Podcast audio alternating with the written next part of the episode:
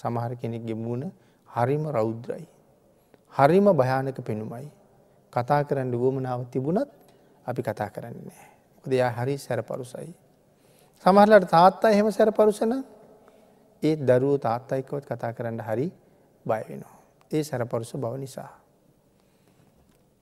නමුත් මෛත්‍රී සිතක් තියෙන කෙනෙක්. හරීම ප්‍රියමනාපයි. ප්‍රියමනාපාය දැක්කහම අපට ගිහිල්ල හරි කතා කරන්න හිතෙනවා. මේ මනුස්්‍යත් එක වචනයක් දෙක කතා කරන්න තිබුණුත් හරි හොඳයි කියලා හිතෙනවා. ඒ තරම්ම ප්‍රියමනාපයි. ති මේ කාරණාව මුකවන්නෝ විප්පසීදතිය කියන කතාවත් අපි සාකච්ඡා කරන්න ඕනේ. එතකට මේ තරම් ප්‍රිය වුණේ පිනති අපේ සිතුවිලියල තියෙන පාරිශුද්ධත්වය නිසා. අපේ සිතුවිලි කොහෙ උපදිනවාද. භාගිතුන් වහස දේශනා කරනවා හිත උපදින තැන. හර්ද වස්තුවේ උඩ කුටීරේ අඩපතක් පමණ ලේ දහතුව තියෙන තැනක. ඉතාම පිරිසිදුලේ තියෙන තැනක තමයි සිත් උපදින බව භාග්‍යතුන් වහස දේශනා කරන්නේ. හර්ද වස්තුව කියල කියන්නේ මේ ශරීරය පුරාම රුදිරයේ ගමන් කරවන ප්‍රධාන තැන. හරිනි රුදිරය පොම්ප කරන තැන. එතකට මෙතන තමයි මේ සිත උපදින්නේ.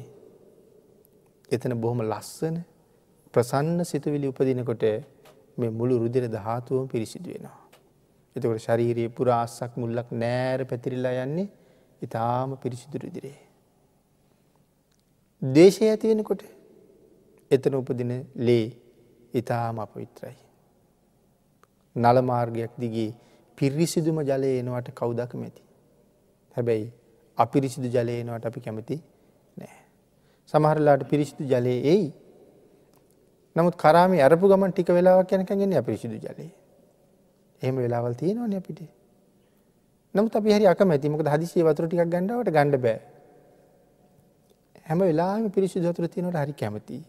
එනම් මේ හර්ද වස්තුවෙන් හැම වෙලාම පිරිසිදු ලේ දහතුවම මේ ශරීරයේ පුරාම පැතිරෙන්ඩය පටන් ගත්තාම ඒ පුද්ගලයා ඉතාම ප්‍රියශීලී ප්‍රියමනාප ශාන්ත පුද්ගලයෙක් වෙනවා. එතකොට දකින දකින අය ඔහු දැකළ හරියට ප්‍රියමනාප වෙනවා.